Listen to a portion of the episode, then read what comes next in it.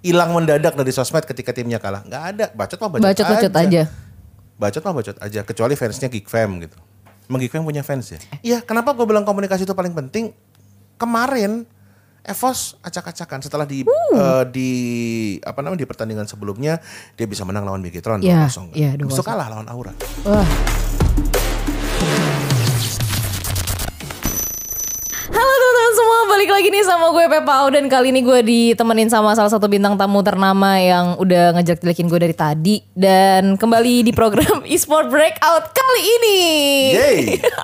Halo. Aku Pepau. Aku Pepau. Buat kalian semua yang lihat kick off Piala Presiden atau yang nge-skip bagian gue lagi jadi robotik nggak apa-apa. bakal di skip itu nongol dua kali di awal. Gimana cara di skip? Itu buat penonton yang nggak tertarik ngelihat muka orang robotik sih, Mas Ger. Dan suara yang cukup tidak gurih di telinga. Iya sih annoying sih. Iya itu agak annoying. Halo, aku Pepau. Halo Mas Ger, gimana Ya. kabarnya? Ya kabarnya Alhamdulillah luar biasa seperti yang lo saksikan sekarang. Baik-baik aja. Walaupun tim tim kesukaan lo nggak baik-baik aja, tapi keadaan lo tetap baik-baik aja. Jadi kan? gini, eh, kalau ngomongin tim kesukaan, sebenarnya gue itu die hard fans dari Juventus.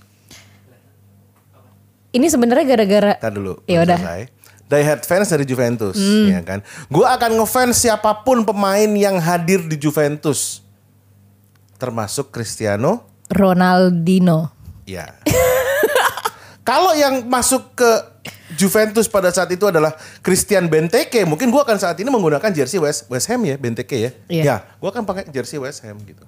Atau kalau eh, yang dibeli oleh eh, manajemen Juventus pada saat itu adalah eh, Bright White, ya gue akan pakai jersey Barcelona. Gitu. Karena yang dibeli adalah Ronaldo, ya udah pas banget. Tapi kok ya seperti itu kejadiannya. Ya. Iya, bagaimana terpukul Anda melihat permainan kali itu? Sudah Nyesel biasa. ngabisin waktu dalam waktu 34 menit dalam hidup untuk melihat hal yang sebenarnya nggak harus dilihat? Iya sih. Bahkan anak gue yang masih bayi aja tahu kalau bapaknya lagi kesel kan. Dia ketawa loh. Setiap ekspresi gue kesel, dia ketawa. Gak ada angin, gak ada hujan. Jadi gue nonton, ini anak gue sebelah gue kan. Jadi gue nonton nih sambil duduk gitu kan. Ini anak gue di kasur, di laptop gitu gue nonton. Kebobolan 1-0, gue liat ke dia, dia senyum ke gue. Di, banget tuh. Untuk anak gue loh gitu kan. Mungkin dia bukan fans dari MU, Bukan. makanya dia ketawa ngelihat lu. Nah, seperti itu. Gue belajar mencintai MU itu sebenarnya tahun 1997. Eranya David Beckham, masih ada Eric Cantona, Roy Keane. Cuman pada saat itu Juventus juga sudah sangat luar biasa dengan adanya Del Piero, Inzaghi, Zidane dan sebagainya. Sebenarnya beriringan sih. Jadi ya bisa dibilang kenapa gue baru beli jersey MU ketika Ronaldo datang ya momennya aja pas gitu. Seperti itu. Oke, jadi lu sebenarnya ngefansnya sama Ronaldonya. Iya, gue akui gue ngefansnya sama Ronaldo. Tapi lu, tapi gue respect banget sih sama lu Mas Ger. Lu masih berani pakai jersey dari tim yang udah di, gue gak tau ada banyak meme-nya di Oh luar iya, gue sana pakai ya. ini di busway. Dan semua orang menertawakan lu gak? Enggak, senyum aja sih. Senyum. ada- Pas gua duduk juga ada yang kayak nepuk pundak gua, tek tek set gitu kan gua langsung yang kayak gitu. lu, lu, lu, lu bukan punya mental yang kuat kalau nggak berani menggunakan jersey tim kesayangan lo yang habis dibantai pakai angkutan umum. Belum ada apa-apanya Iya, mentalnya masih cupu lah ya. Cupu. Jangan bilang lo Fans apa- sejati. Kalau Justru misalkan kalau kalah jangan masuk gua sebenarnya. Makin berkoar aja. Makin berkoar aja. Kenapa gitu? Kan makin makin makin dicaci maki dong. makin menunjukkan kalau eksistensi bisa gimana ya tim lu kalah ya lu dukung lu bacot karena apa ya lu namanya lu mencintai mencintai sebuah hal ya lu nggak akan surut meskipun eh, hal tersebut lagi dalam kondisi kalah atau menang pernah lihat nggak fansnya tim e-sports di Indonesia hilang mendadak dari sosmed ketika timnya kalah nggak ada bacot mah bacot, Bacot-bacot aja. aja. bacot mah bacot aja kecuali fansnya Geek Fam gitu emang Geek Fam punya fans ya Ada aku kan. Eh salah. Eh lu ya Gi- Oh iya iya, kamu kamu Geek Fam ya benar. iya. Gua Lu Rebellion. juga, lu Gua juga Rebellion. ngeremehin gue banget. Sorry sorry sorry sorry. Gak ngehargain gue banget. Ya, Gue gua Rebellion. gue di sini merasa gimana ya bangga sih sama Geek Fam. Kan kita sempat ngomong kan Yes betul. Eh, season lalu. Kalau Ya. misalkan gue pengen ngeliat nih Geek Fam bisa ada memenangkan salah satu permainan ya kan. Betul, Terus betul, kita menonton betul. berdua. Apalagi Geek Fam menangnya di awal-awal ini langsung lawan tim gede juara musim lalu. Iya Tapi benar. sekali lagi ya, sekali lagi ya, memang Geek Fam ini adalah tim yang sangat konsisten Iya. untuk tidak masuk ke playoff dari season 4 sampai season 9. Kita lihat season 10 ya. Kutukannya itu Aura masuk akhirnya kan playoff meskipun gagal. Ya kita lihat nanti apakah di season 10 ini dengan kehadiran akhirnya ada legion asing lagi di MPL Indonesia setelah beberapa lama nggak ada akhirnya ada apakah ini akan membantu Geek Fam untuk step up atau gimana ya see. Tapi tapi gue ngeliat kalau dari performanya Geek Fam nggak tahu ya apa karena ada eh, pemain baru dari luar atau player baru yang Bal- Baloiski yang bisa masuk ke Geek Fam jadi ngerubah apa ya pattern permainannya Geek Fam. Kalau- Jadi dia ngebawa gitu. Iya, kalau kalau kita eh, bandingkan ya permainan atau gini, membandingkannya bukan dari hasil permainannya kalah dan kalah dan kalah gitu kan. Kita ngelihat bagaimana mereka memperlakukan lima orang ini. Maksudnya Geek Fam mengutilize lima orang pemain eh, dengan satu orang legion asing di laga awal ketemu dengan tim besar. Bagaimana cara mereka bisa untuk ngeblok dan kemudian unggul terlebih dahulu dari RRQ 1-0 kan. Meskipun kemudian dibalikin gitu Iya. kan. Nah, kita bisa lihat di situ. Maksudnya mereka bisa memberikan kejutan. Gini, ada ada sebuah frasa don't change the winning team. Itu yang dilakukan oleh RRQ saat ini. Mereka tidak merubah tim yang sudah menjadi pakem, sudah menjadi pattern gitu kan. Ya orang-orangnya sama aja gitu kan. Yang nggak ada cuman Liam karena Liam sudah uh, move on gitu Iya. kan atau ya istilahnya RRQ Rosternya tetap. Ether yang turun lagi ke MDL. Iya. Nah, sisanya tetap Deden masih Skylar masih diberi kesempatan dan pemain-pemain senior, sisanya pemain-pemain senior kan. Meskipun Teguh agak susah kalau dikasih kesempatan jam terbang ya, gue ngobrol sendiri gitu kan dia dikasih main aja, dikasih satu game aja, alhamdulillah katanya. Waktu gue ngemsiin eh, launching mereka, launching line up RRQ Hoshi.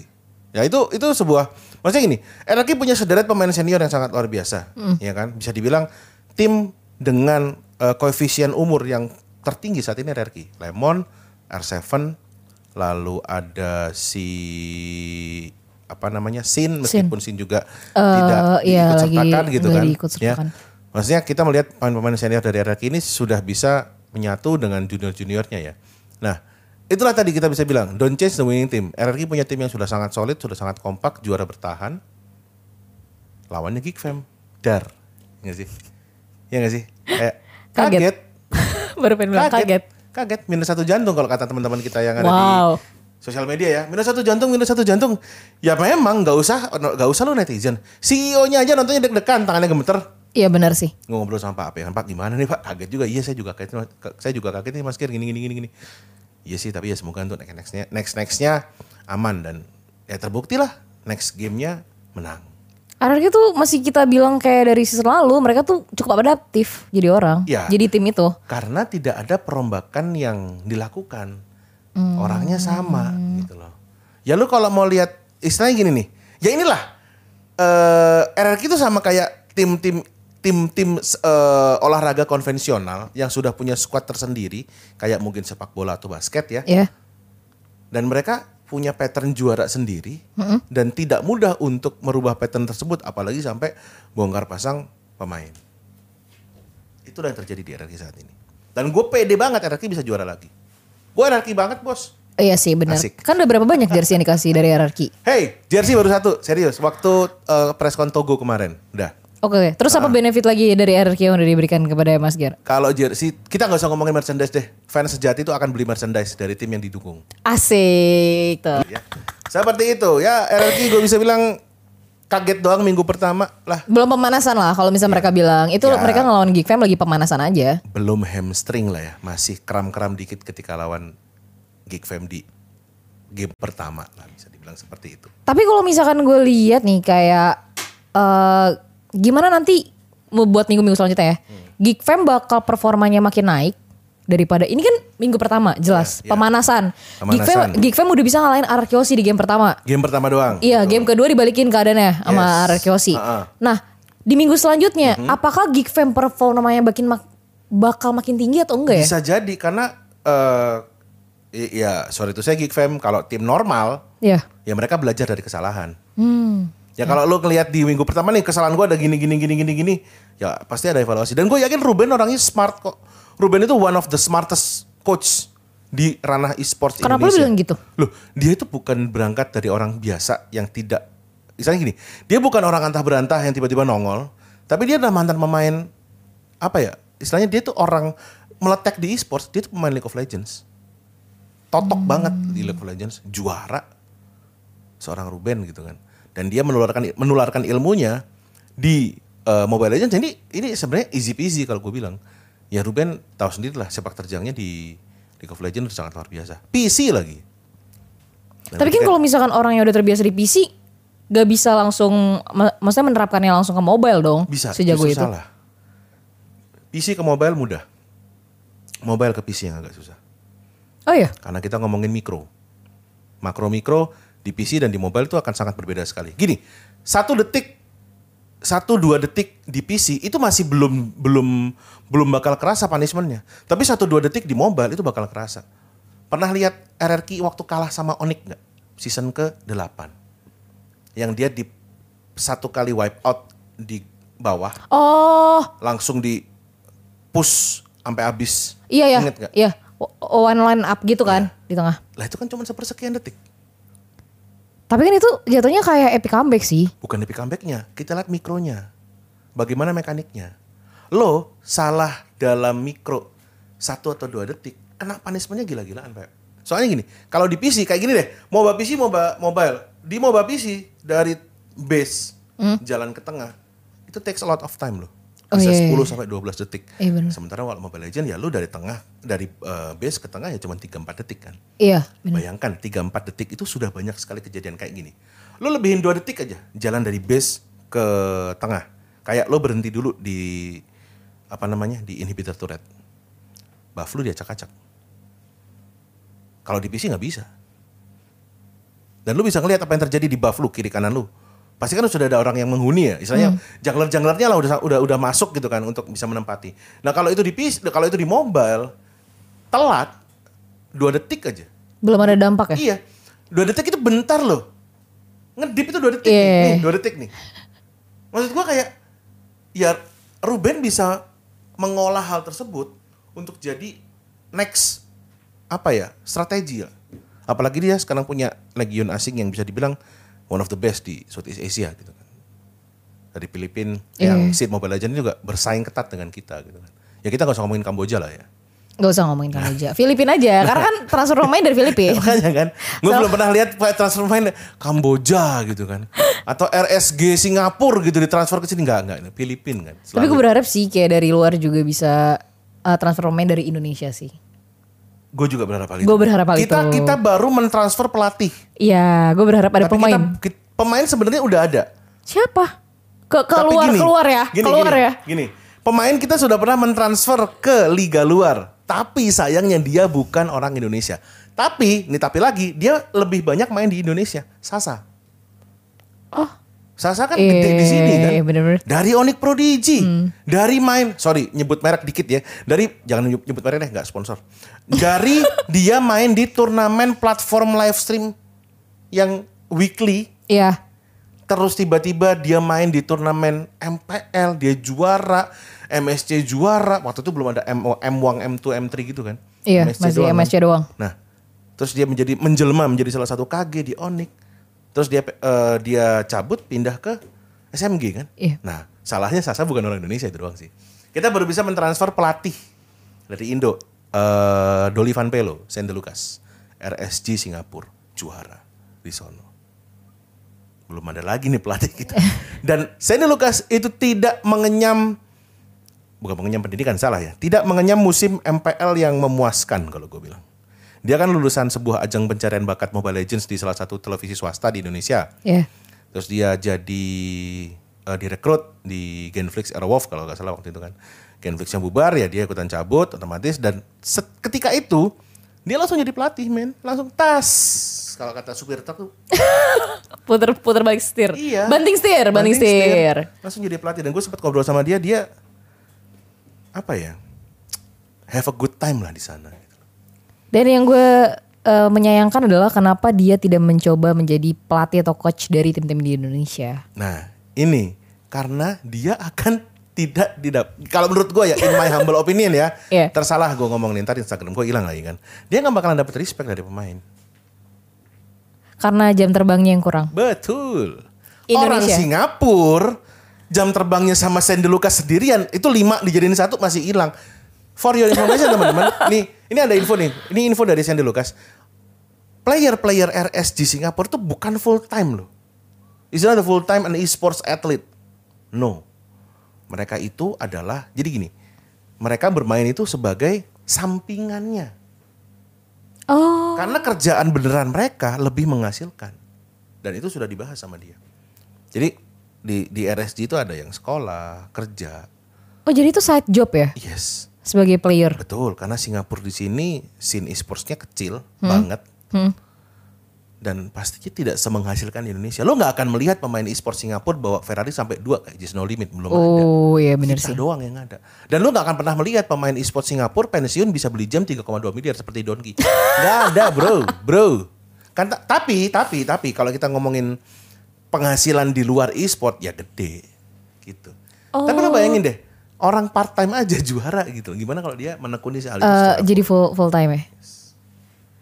Tapi gue berharap, ya balik lagi ya, kita tuh berharap ada player dari Indonesia yang bisa mencetus lah ke negara-negara lain, Mhm. jadi salah satu player di negara lain dan bisa membuktikan bahwa kalau misalkan player-player Indonesia tuh nggak bisa dianggap sepele. Maksudnya kita Iya. cuma bisa mentransfer main dari luar, Mhm. ngelihat permainan orang luar yang bisa mengubah taktiknya orang Indonesia, Mhm. tapi Indonesia sendiri nggak bisa merubah taktiknya orang luar. Gue berharap kayak ada satu pencetus lah. Kalau dibilang oh, kita kalau ngomongin masalah taktik mungkin ada beberapa teman-teman rekan-rekan caster yang lebih berpengalaman dari gue. Cuman kalau gue ngelihat kebiasaan kita mengaplikasikan taktik dari luar terus kita olah jadi jadi pola permainan Culture kita kita sendiri, sendiri. culture kita itu itu udah udah nggak seharusnya gitu. Kita itu kita negara pertama yang menjadikan Mobile Legends ini besar. Oh, Kenapa iya lu masih nganut meta atau apa-apa dari luar gitu. Kayak contoh nih. Ini lagi musim nih, Blacklist pakai Natalia Jungle gitu kan. Ya karena Natalia ini hero assassin wajar dipakai jungle. Iya benar. Tapi sebelum-sebelumnya kita kan bisa melihat kayak hero-hero assassin jadiin tank lah. Mm-mm. Nah kita punya tank dijadiin jungler. Bener. Ya kan? Itu meta-meta yang kita buat sendiri. Dan itu works gitu di sini gitu kan. Tapi kalau kita melihat mungkin nggak kita mengadopsi ya ngapain ngadopsi sih lu bikin sendiri aja gitu emang kurang pintar apa sih orang-orang kayak coach-coach kita gitu kan yang ada di eh, scene Mobile Legends di Indonesia kurang pintar apa kayak modelan si Acil terus eh, teman-teman coach yang lain gitu kan ya gue sebut aja karena dia kan yang menjuarai gitu Iya benar. pasti mereka lebih smart dan mereka punya pemikiran yang lebih apa ya lebih ya beberapa langkah di depan dari si coach-coach yang ada di Southeast Asia. Tapi lo kan fansnya RRQ banget nih. Iya. Salah satu part of RRQ Kingdom dong. Belum, Belum. Tapi belum terdaftar secara resmi lah gitu. oke, tapi di hati lo jiwa lo lo ngedukung Oh iya kan? gitu. Ini kalau dibeset ya, set. Merah, putih, ada oranye dikit. Oke. Ada hitam. Oh iya benar ada Kan merah. MU, hitam putih Juventus, oranye RRQ gitu. Dah, berarti lo ngeliat dong pola permainannya RRQ dari season ke season. Iya. Dan ngeliat gak sih kayak misalkan taktik mereka atau draft pick mereka tuh yang kayak gitu-gitu aja. Memang bosen. Gue yakin orang-orang yang nonton nih. Ini gue yakin fans-fans RRQ bakal bilang, enggak kok gak bosen kok. Bosen men. Tapi bosen itu juara. Ya. Ya udah. Karena itu maksudnya itu andalan mereka gak sih? Iya. Draft pick mereka. Iya. Kayak kemarin eh, kita bisa melihat Skylar ketika mengalahkan Alter Ego 2-0 mainnya bagus banget pakai Beatrix 66,7 persen. Ya kan, kemungkinan dia menang dan apa ya? Kalau dibilang bosan, ya bosan. Gini, fans akan berharap jadi penonton, fans itu akan berharap adanya hero-hero baru yang di Ya. create. Tapi yang bisa kayak gitu cuma satu di RRQ. Lemon. Udah, lemon doang. Dan Lemon lagi sibuk ngaca bro. Jadi dia lagi nggak pusing mikirin Ya. mikirin hero. Tolong. Yang bisa seperti itu lu berharap eh, hero-hero ajaib dipakai gitu apa segala macam gitu kan. Kayak Tadi ini minggu ke satu berarti minggu ke Minggu tiga atau pertama. minggu keempat kemungkinan si Friedrin ya hero baru itu namanya apa Friedrin atau apa Frederin. Fre- Fredrin ya? Frederin. Fre- f- Ya itulah Fredrin. Fredrin, Kalau lu buka Fredrin. Mobile Legend ada orang pakai pedang warna biru Iya, itu. Fredrin, Fredrin. Fredrin itu mungkin minggu keempat bisa digunakan. Ya kalau lu berharap Fredrin tiba-tiba muncul ketika dia sudah diangkat bandnya, ya Lemon yang bisa kayak gitu. Iya benar sih. Kayak waktu dia melakukan itu di Faramis, dia melakukan itu di Hanzo, ya kan?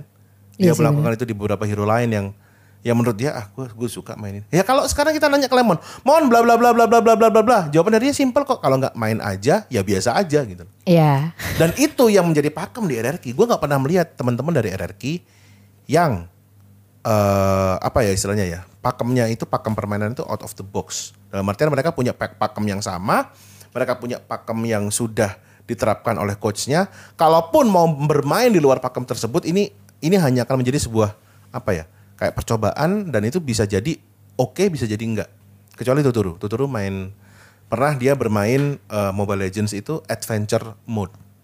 Dia main di bawah sendirian, literally pakai Hayabusa sendirian. Gak ada yang nge-push, gak ada yang apa. Tiba-tiba dia udah sampai di Dust Inhibitor Turret. MPL season kedua. Dan apa ya banyak hal yang bisa dibilang eh dari situlah kalau gue ngelihat kenapa dibilang segitu-segitu aja atau cuman itu-itu aja patternnya ya kayak gini deh. Kita ibaratkan pola permainan ataupun draft picknya RRQ ini sebagai sebuah mobil balap. Ada settingan, ada komposisi, Iya. ya kan. Kalau Pepo nonton F1 kan, pernah nonton F1? Pernah kan? nonton, pernah nonton. Kalau kalau pit stop tahu dong. Tahu. kan langsung set yang dilepas ban, Ban langsung. ada be- apa namanya masukin bahan bakar, ngelap kacanya si driver, ngisi air apa segala macam. Kalau kalaupun harus ada sesuatu yang lain itu bakalan mengganggu banget pit stopnya. Nah itu yang dilakukan oleh RRQ. Oh. Tapi tanggapan lu kayak dengan draftnya RRQ yang kayak gitu-gitu aja, Mhm. sempat hampir kalah tuh. Mau hampir kalah sama Alter Ego Hampir kalah di dong. game pertama. Hampir kalah Dan tapi kan. sebenarnya tapi itu enggak, itu dari pemikiran gua, dari sudut pandang gua. Iya. Ini Alter Ego loh yang bakal menang. Cuma emang terlalu banyak tema aja menurut gua karena mereka harus nunggu Lord lagi. Mereka nggak mau apa ya memutuskan segala sesuatu dengan buru-buru ya. gitu kan, atau gimana gitu kan. Kalau gue bilang sih gini, hampir kalah sama menang itu hasilnya beda banget. Mm. Jadi kalau hasilnya gini nih, kayak contoh nih, kayak contoh nih, ini gini gini gini. Kebetulan di MPL ini kan win lose dihitung ya, gitu kan. Win lose kan dihitung kan ada ada perhitungan. Sama kayak sepak bola lah, gitu kan. MU kalah 1-2 sama kalah 0-4 itu hasilnya beda banget. Iya. Ya kan? Musim lalu goal difference-nya nol. Nol ya, Mas Firman ya? Nol. Tim sepak bola mana yang goal difference-nya nol MU doang. Sama kalau lo bilang tadi. Tapi itu hampir kalah Mas Ger, tapi mereka menang dong. Ya kan apa? Hampir kalah dan menang. Itu jauh sekali bedanya. Hampir kalah, itu belum tentu kalah. Tapi menang fix 3 poin kalau di sepak bola. Gitu. Tapi lu min satu jantung nggak? Oh jelas. Gua nonton dalam berbagai pose bu. Dari berdiri, duduk, selonjoran sampai... Ya anjing kok bisa begini mainnya gitu kan. Dan Kayak menurut lu gitu. faktor apa yang anarki bisa membalikan keadaan dengan cepat Ya faktor komunikasi, itu yang paling penting kok. hmm, dari merekanya? Iya, kenapa gue bilang komunikasi itu paling penting? Kemarin Evos acak-acakan setelah di eh, di apa namanya di pertandingan sebelumnya dia bisa menang lawan Bigetron Iya, 2-0. iya, itu 2-0. kalah lawan Aura. Wah itu kan? acak-acakan banget. Kalau gue lihat, Aura-auran jadinya. ya itu padahal yang yang yang yang menang Aura ya kenapa Evos yang aur-auran gitu. Iya benar. Dan gue ngelihat eh, pertandingan yang kemarin Alter Ego kan pertama dia hampir menang tadi kalau lu bilang. Yang kedua jadi lemes, jadi turu. Nah. Kenapa tuh? Apa karena mental dia yang kurang Alter Ego Ya karena di, kebom, di, kebom mental? di, di apa namanya di game sebelumnya dia lawannya RRQ gitu loh. Atau dia kayak kebawa ekspektasi dia untuk menang dari RRQ terus pas game kedua udahlah gue udah kalah ya udah Bisa jadi. nggak ada yang nggak. Istilah gini, kita nggak akan bisa menebak apa yang terjadi kecuali kita ngobrol langsung dengan pemainnya. Cuman kalau kita ngomongin masalah ini spekulasi lah ya. Iya. Yang namanya mentalitas pemain eh apa ya? Mentalitas tim e-sport di Indonesia itu top of the top lah. Gue yakin mentalitas mereka bagus, tapi tidak dengan stamina, tidak dengan pola pikir gitu kan.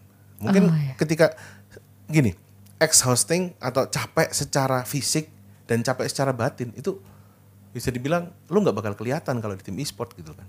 Kelihatan mereka seger apa segala macam, tapi batinnya capek gitu loh. Mungkin itu yang dialami oleh Trigo. Ya mungkin lah ya, mungkin itu. Soalnya gini, banyak aspek lah yang menentukan bagaimana mereka akhirnya bisa lemas, mereka bisa akhirnya malah KO apa segala macam kayak gitu. Oke. ya lu, lu bayangin aja men udah di depan mata poin gitu kan. Hilang gitu kan. Sebel gak sih? Iya itu jadi kayak trauma sendiri sih. Dan gue berharap kayak alter ego semoga dengan permainan yang maksudnya mereka kan belum dapat skor nih di minggu pertama. Jadi menurut gue kayak di minggu-minggu selanjutnya semoga alter ego nggak mentalnya nggak turun. Biasa kan udah kosong sama Sama Geek. Geek. Eh bunyi kaget gue. Geek Fam. Oh iya. Ah, tadi gue udah dua kali Oh iya, iya bener bener sama Geek Fam ya sorry sorry sorry sorry sorry sama Iya. Geek Fam. Tapi maksudnya sama Ararki kan dia gak dapet poin. 2-0 kan.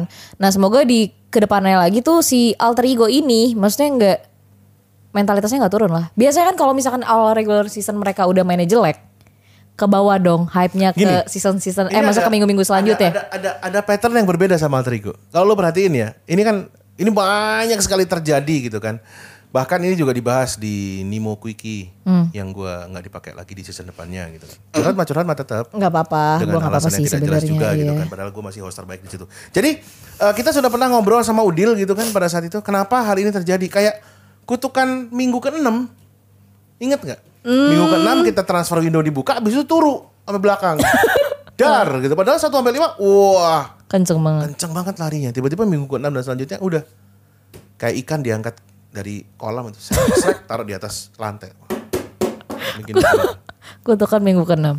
Ya mungkin itu yang terjadi dia. Tapi kalau sekarang dari minggu pertama dia udah KO, ya gue nggak tahu deh patternnya kayak gimana sekarang. Tapi ya sekarang alter ego kan eh bisa dibilang dia udah ngerubah susunan kepelatihannya. Kita tidak lagi menemukan adanya nasi uduk gitu kan. Iya betul. Dan bisa dibilang dengan apa yang mereka miliki sekarang, ya seharusnya setelah lawan Geek Fam, harusnya di minggu kedua ini mereka lawan siapa? Ingat gak? Siapa? Lawan siapa? Ya lawan siapa pun itulah pokoknya, pasti mentalitasnya akan berubah. Kayak gitu. Karena apa? Kalau mereka tetap stay dengan mentalitas yang mereka tunjukkan di minggu pertama, ya udah susah. Oh iya bener sih. Percaya dirinya muncul lagi. Iya pasti dari alter Iya, ego. Betul sekali. Apalagi yang mereka lawan juga tim yang bisa dibilang ya tidak menunjukkan perubahan gitu. Belum menunjukkan. Jangan tidak dong. Eh dua dua pertandingan kalah ya tidak tidak berubah. Kan dong. baru minggu pertama. Masih ada leg 2 lagi nanti. Kan kita nggak boleh pesimis dulu. Harus optimis gak sih?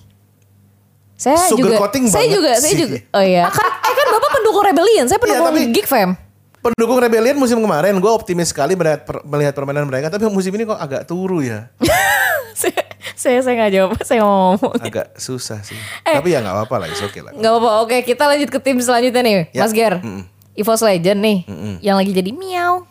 Iya. Kemarin dari Aura, Aura doang, miau, lagi jadi miau. Iya, iya, iya. Sempet nih, Rek, salah satu pensiunan dari EVOS Legend, Pensiunan.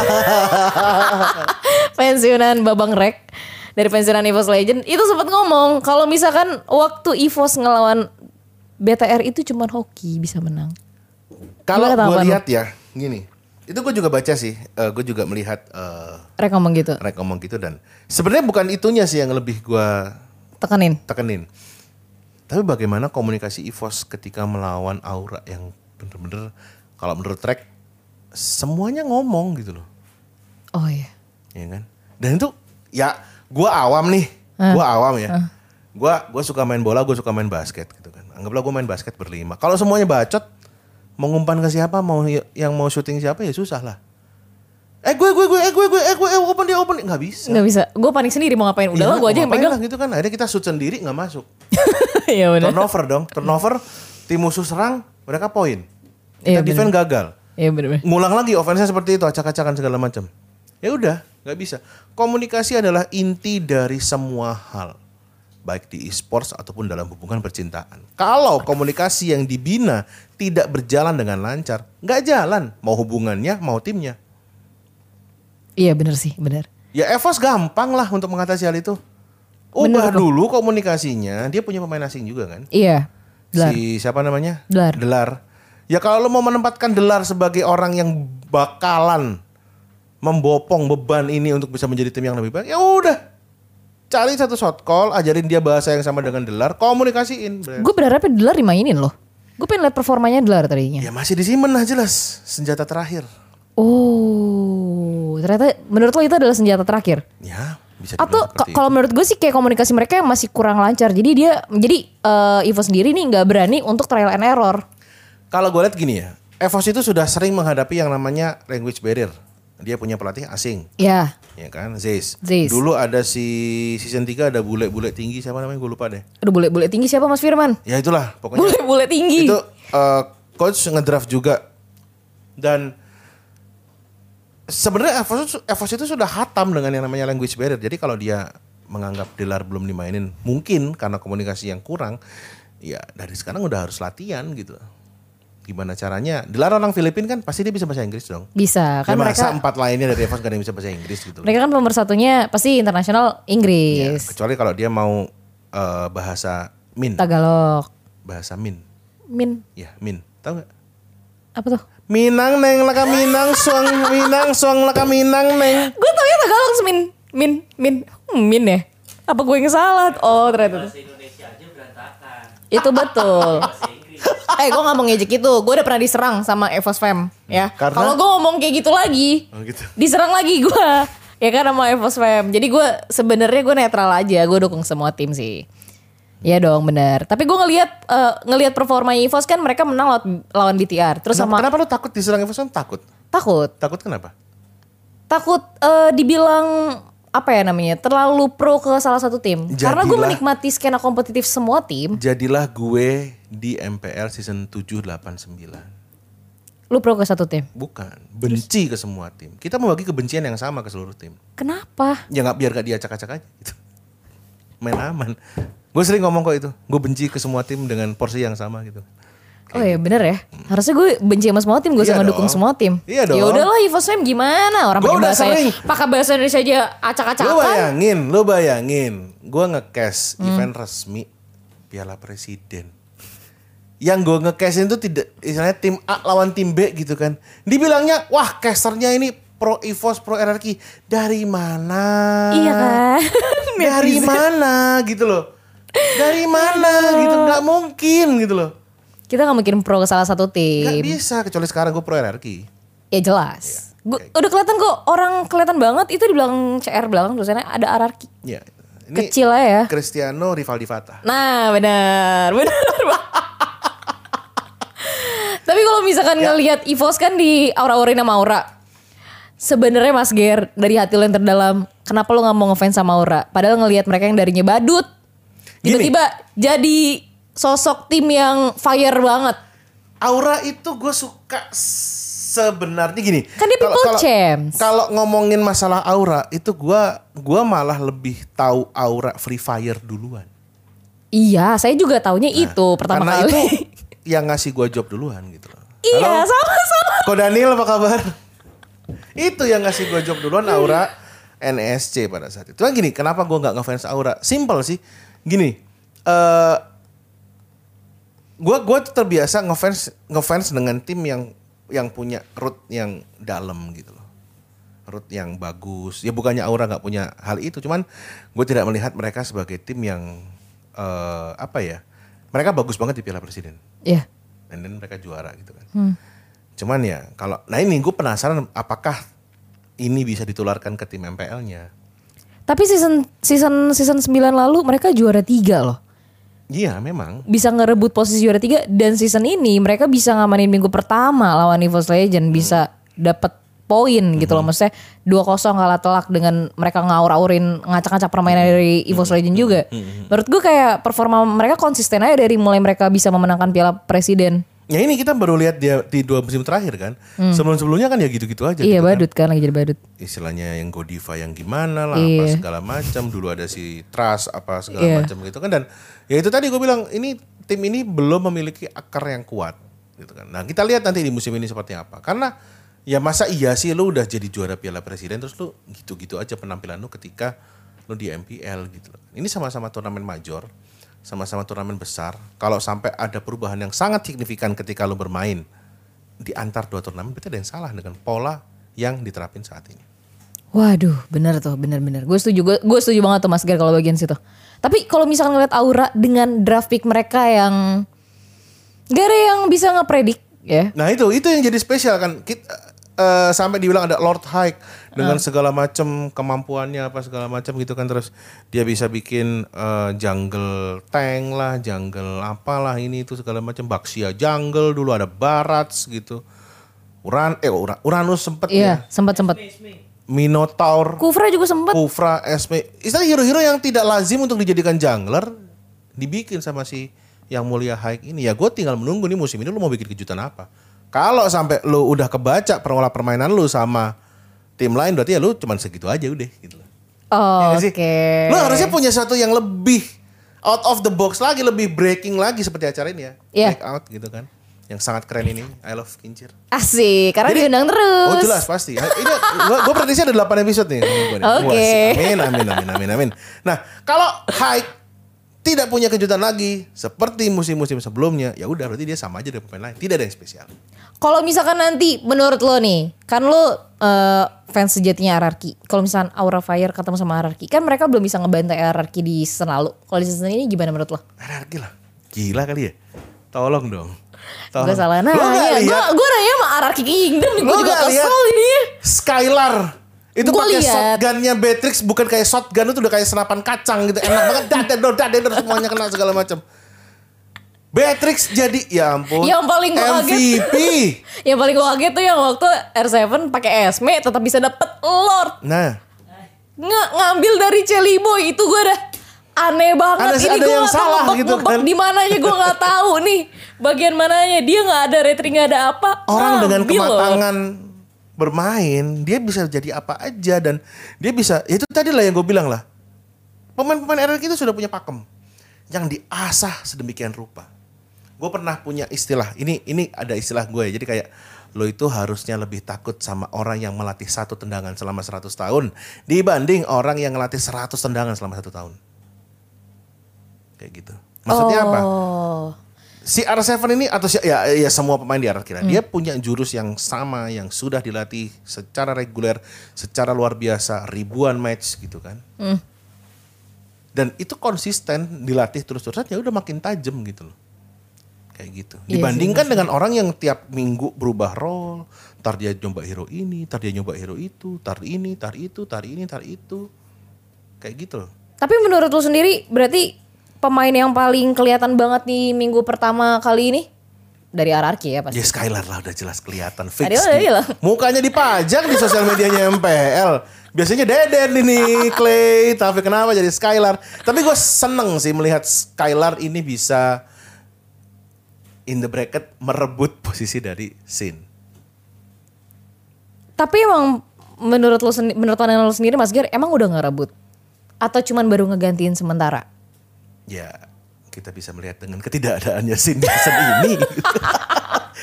Sin lagi asik main gua motor di Manado, Ben ngapain Iya, lagi lu? Udah lu nikmatin benar, hidup aja lah. Nonton, live stream, main motor, nonton, live stream, main drug. Enjoy your life. eh ya itulah. Lu udah sangat luar biasa sukses. Ini saatnya junior lu menghentikan. Tapi menurut gue Sin masih punya jiwa kompetitif. Dia tuh sebenarnya dia tuh sebenarnya masih mau main. Memang. Cuman Sin posisinya doyok. kurang beruntung. Nah itu do banyak lah istilahnya teman-teman kita senior-senior yang dari MPL Hmm. MPL season sebelumnya. Mereka masih apinya masih ada. Iya, pastilah. Kayak gue tuh sebenarnya bisa ngalahin tim ini kalau gue dimainin. Pasti ada pemikiran kayak gitu. Itu tangannya yang belum tentu. itu doang. Gue gue gue gue Dikira dikira dikira kayak Apang, Liam, Tuturu Ya gitu. nggak bisa main, bisa. bisa. Jago mereka. Cuman ya levelnya udah beda gitu loh. Levelnya Tuturu level konten sekarang. Liam ya konten juga.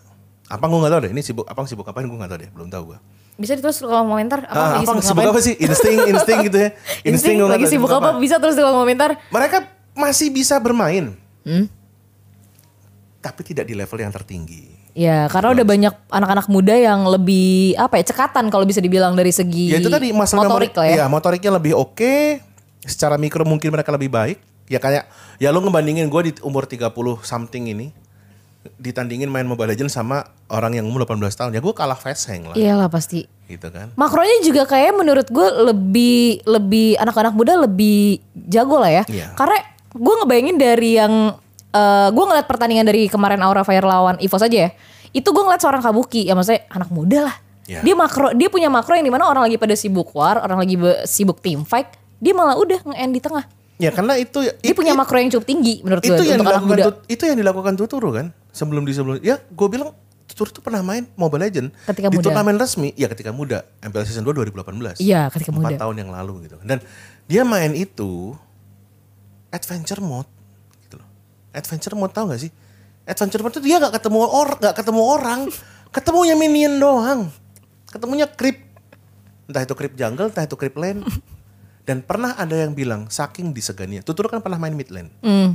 Saking diseganinya Tuturu ketika dia main mid lane, ketika dia ada di mid, orang minggir. Nggak usah, nggak usah, nggak usah dia ngelawan lagi ya. Iya, Orang minggir, minggir, Pak. pindah lane. Tahu diri. Tahu diri, Ada tuturu, bos. gue pindah. Tuturu aja. bos, cabut. Menurut Anda gitu kan. Nah, hal tersebut eh, yang menjadikan anak-anak muda zaman sekarang kalau memang mereka memiliki makro yang lebih baik ya berarti mereka akan lebih bagus dan lebih sukses gitu loh. Daripada ya gue yang- tidak bisa, gue tidak bilang yang udah tua-tua ini nggak Senior. sukses. Mereka sudah punya masanya. Iya, benar Kayak sih, gue, benar. ya kan? Masa gue cuma sampai MPL season 4 gitu kan. Iya. 5, 6, 7, 8, 9, 10 ya orang lain gitu loh. Benar. MU juga punya masanya. Enggak, ini masih akan pada masanya. Ini tim sepak bola ada regenerasi gitu. Oke, gue gak, nggak jadi Duitnya gue. juga masih ada gitu kan. Oke, emang ini fans MU sejati, jadi gue ngerosting MU juga gak bakal Karena kena gini, mental. kalau kalau gue, kalau gue tergantikan wajar. Gue tergantikan karena apa? Segi dari segi usia gue sudah naik, apa nah segala macam. Eh, tidak good looking meskipun gue tidak pernah ngeklaim gue good looking. Tapi kalau MU nggak bisa dong, dia akan tetap regenerasi, Iya, bener sih. duitnya akan tetap ada seperti itu. Bener beda. sih, bener sih. Perseorangan sama tim. Tapi Nah, gue pengen nanya deh, perasaan lu diregenerasi gimana? oh, gue seneng. Kayak lo. Kenapa? Kok lu seneng? Ya, gue seneng lah lu bisa ngeregenerasi. Gue seneng. Kok, kok jadi gue? Jadi jadi gue yang kena nih, Lah, bukan, gue, bukan. bukan gue. Maksudnya sama, sama gua host yang lain. Gua, gua sangat suka ngelihat ada orang yang bisa berada satu panggung satu pertama satu panggung dengan gua, kemudian dia nggak ngegantiin gua. Gua nggak salty sama sekali, gua nggak kesel sama sekali. Tapi gue Itu cara enak. cara gua untuk membahas bagaimana bagaimana ya udah kalau gua udah nggak dipakai lagi bagus dong. Ya lu masa mau ngelihat gue gue lagi, omawa omawa lagi. Tapi dengan ngelihat lu pada menurut gue kayak banyak ilmu yang bisa diserap gak sih? Karena kalian udah senior, sepak terjang kalian pasti udah jauh. Asam garam kalian pasti udah ngerasain di dunia udah lebih lebih jauh lah daripada kita yang muda-muda. Dan kita yang muda-muda kayak punya pengalaman yang sedikit di jam terbang yang harusnya banyak kalau nggak yang harus di depan kamera di depan orang banyak kayak menurut gue tanggung jawabnya terlalu besar aja. Ya itu yang gue alamin di awal-awal gue berkarir dong. Ya kan? Iya sih, Gue juga menggantikan orang. Gue berdiri di situ juga ada orang yang tergantikan. Nah, gimana caranya kita bisa tetap survive, bisa tetap eh, apa namanya ada? Ya kita belajar. Gue juga sampai sekarang masih belajar kok. Gimana caranya untuk bisa handle eh, acara dengan baik dan benar itu tetap menjadi sebuah pelajaran yang gue gali ilmunya setiap hari. Dan kalau kayak kita kembali ke pertanyaan tadi ya, ke- eh, apa rasanya di, di regenerasi? Gue seneng. Darius Drew Iya. eh, host season yang ke-9 kemarin itu. iya, benar-benar. Itu 2017 dia masih nge-LO-in gua di, di Jogja. Oh iya. Iya, dia LO-in gua. Dia juga pernah jadi LO cosplay segala macam. Dan tiba-tiba dia ada di satu Panggung. panggung yang pernah gue handle juga. Bangga dong gue. Iya bener sih. Iya kan? Lo, gue nemu lo di Trisakti. ajang pencarian bakat yang kalau gua nggak ngotot mungkin lu kalah dan lu nggak akan ada di sini. Iya benar. Iya kan? Kalau kalau gua nggak nyamperin lu terus kayak lu cuman ya udah habis ini gua kelas gitu kan. Iya. Dan mungkin lu nggak akan eh, nggak akan fight untuk apa segala macam. Mungkin lu nggak akan ada di sini, lu nggak akan ada di panggung Piala Presiden dan sebagainya Iya dan sebagainya gitu kan. thanks to Mas Ger. Nggak jangan thanks ke gua. Terima kasih ke Tuhan. Tuhan yang udah kasih kesempatan. Gua mah perantara doang. Ada nggak ada gua, kalau memang mau berusaha, jadi kok. Nggak ada yang nggak jadi. Waduh, Tidak ada yang banget. pernah menyangka gua bisa handle sebuah acara. Gua nggak gua nggak nyangka gua pernah handle PON. Gua nggak nyangka. Gua MC pertama ISL. Siapa yang nyangka sih ISL bakal ke Indonesia? Nggak ada. Indonesia pada saat itu Dota lagi kan. Dota 2 men di Indonesia. Allahu Akbar. Lu bayangin timnya bisa dihitung pakai jari tangan. ISL datang. Gue no komen lah. Pada saat itu ISL datang Dota dan Arena of Valor. Tolong. Game Batman 7 miliar. Yang ternyata diecer ya, nggak langsung Iya dikasih. iya iya iya iya. iya. Ya. Ya itu itu itu itulah ya itu jalannya lah. gitu kan. Tapi ada yang- keinginan lu gak sih Mas Ger? Sorry nih gue potong. Keinginan lu buat masuk lagi di MPL dan nge-host acara MPL. Gini, buat bernostalgia kembali. Kalau kalau for the sake of nostalgia ya boleh lah karena kan teman-teman yang saat ini eh, ngehandle MPL kan ya masih teman-teman gue juga gitu. masih masih kenal lah gitu kan masih ada yang kenal gitu kan. Gue nggak kepengen mengganggu apa yang sudah mereka build. Jadi kalau kayak gini nih, eh gue itu gua itu sebenarnya kalau umpamanya ditawarin nih, Mas Ger bisa jadi host nggak di tanggal sekian tanggal sekian soalnya ini sakit nih. Wih jangan deh, mending dulu cari yang lain jangan kayak gua, jangan jangan gue. Karena gini, gue tidak ingin membangun, gue tidak ingin merubah ataupun mengganggu apa yang mereka sudah ciptakan, harmoni yang sudah mereka ciptakan gitu. Karena gue akan punya selalu punya cara untuk meninggalkan kesan gitu loh. Kayak gitu. Jadi kalau ditanya masih pengen nggak? Enggak, udah enggak, udah udah lewat. Masanya. Having funnya masanya udah beda. ya gue coba di yang lain lah gitu kan masih banyak hal yang bisa gue coba untuk eh, telusuri kayak gue kemarin dapat kesempatan nge-host di salah satu acara sport yang gue nggak pernah handle sebelumnya FIBA Asia Cup 2022 gue kemarin sempat nge-host di situ ya apa ya cara handle-nya juga beda nggak sama nggak sama kayak kita handle tim e-sport seperti itu Oke, sekarang kan kita udah ngomong panjang lebar banget nih Mas Gar. Hmm. Gue sambil ini sih sebenarnya tadi sambil refresh bukan nyari kata-kata, tapi gue lagi nyari karena gue bentar lagi mau minta tolong elu buat Hmm. prediksiin di minggu kedua. Kali aja nanti lu diundang lagi. Ngomongin soal prediksi lo, ada yang bener kan? Gak mungkin lo pilih semua RRQ kan? Gak mungkin ya. Tolong ya, saya tahu bapak adalah RRQ Kingdom yang teriak-teriak kalau misalkan RRQ bisa mendapatkan poin ya kan? Saya tahu pak. Nih jadwal tanggal 19 Agustus jam 3 ya pertandingan pertama nih. Aura versus Onyx. Onik Tetap Onyx. Jawabannya masih sama guys sama season sebelumnya. Masih apa lagi gue? Oke. Skornya berapa deh? Pakai skor katanya. skor Ya, respect, ini. respect, respect dong. respect dong satu dua Ya, dua. gitu aja. Ada, ada, Jangan ada. gitu dong. gini, ada rasa-rasa piala presiden ya Aura. Ini semangatnya masih ada loh. Itu trofi di rumahnya di GH-nya dia masih dipajang Iya. gitu kan. Jadi masa ketika dia mau main meskipun sekarang mainnya sudah tidak di GH lagi, Iya. sudah di stage. Ya pasti sebelum mereka berangkat kan mereka mereka pakai tas nih, cukup cukup cukup lihat. Wah, gue pernah juara piala presiden nih. Masa iya gue nggak bisa ngambil satu poin. Benar, Meskipun. Onik masih strong. Masih strong banget menurut gue dengan adanya Kyrie juga kan. Sayangnya Suns yang diparkir ya. Kenapa sih mereka nggak kayak dua jungler? Nggak ngerti itu, itu, gue itu, juga. itu, itu pengennya gue sih. Kayak gini gini loh. Kayak waktu apa Albert kan pernah di gold lane. Iya. Itu tiba-tiba dia jadi jungler gitu. Kenapa sih lu gak transformasiin aja gitu loh. Iya sih bener. Suns tuh bagus banget loh. Kok dia yang dikasih gue masih agak salty tapi ya udah. Tapi lo tetap dukung Onyx lah dengan Iya, performa pasti, mereka. pasti. Nah, yang kedua ini yang cukup menarik nih. Alter Ego lawan Rebellion. Tolong. Gak bisa satu sama ya gitu. Best of tuh satu sama. Gue gitu. baru bilang tolong dia langsung "Ya bisa satu sama ya. Secara hati nurani ya gue pengennya Rebellion yang menang. Performa, secara performa. Alter ego. Tapi sorry itu saya dengan melihat mereka di minggu pertama kemarin di dua match ngelihat kayak gitu ya susah sih kalau mau dapat poin ya. Ya 2-0 buat Alter Ego. Oke, lanjut. Lanjut nih. Eh ada di hari kedua ya? Ya hari kedua nih, 20 Agustus. Pertandingan pertama ada BTR lawan Aura Fire. Aura. Kenapa jadi Aura?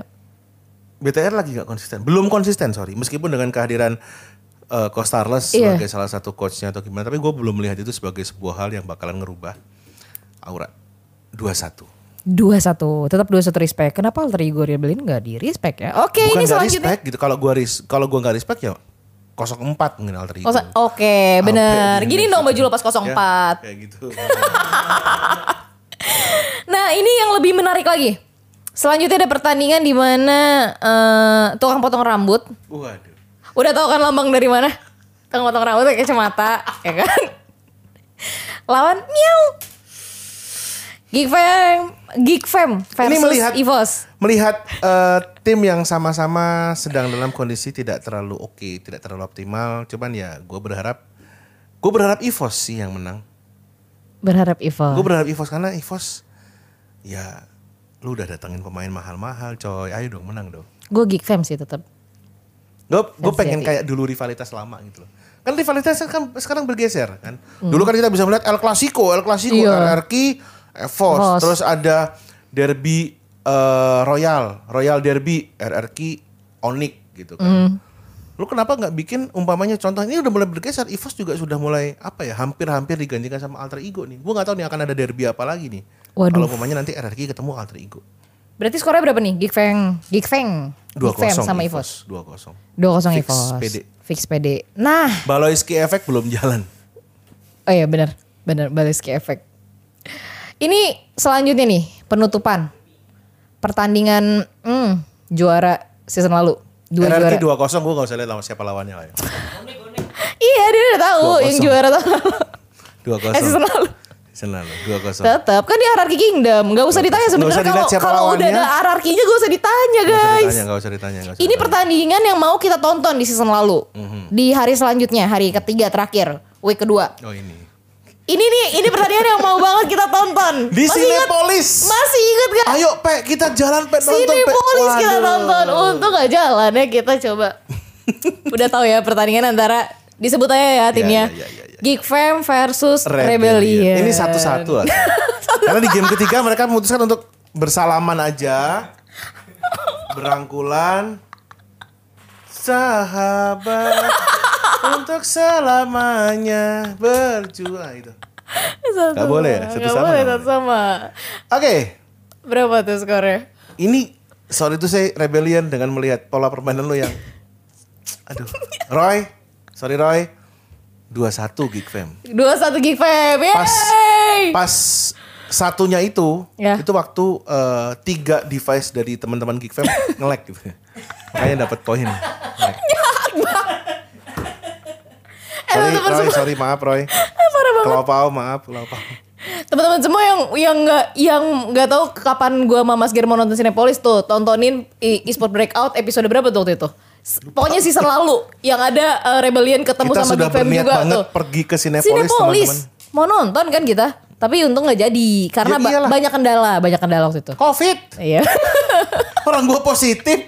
Lu juga positif. Iya. Covid teman-teman yang menghalangi niat kita untuk nonton di Tapi Cinepolis. thanks to, thanks to. Jadinya kita nggak nonton pertandingan Yang luar biasa itu luar kan. biasa.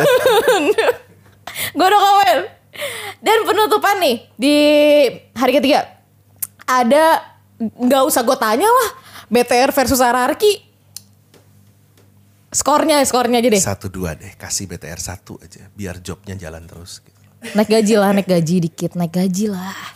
Naik rate dong, jangan gaji. Kalau gaji gue harus jadi karyawan Bigetron, nggak bisa. Oh iya naik Nggak rate bisa. lah. Maksudnya biar BTR ada naik gaji dikit player-playernya. Ya. Kalau misalkan dapat skor kan. Gini, BTR dan RRQ adalah tim yang disponsori oleh satu produk Yang sama. dari bukan satu produknya sama, satu produk dari satu big company yang sama. RRQ disponsori oleh Togo, Bigetron disponsori oleh Malkis Kongguan.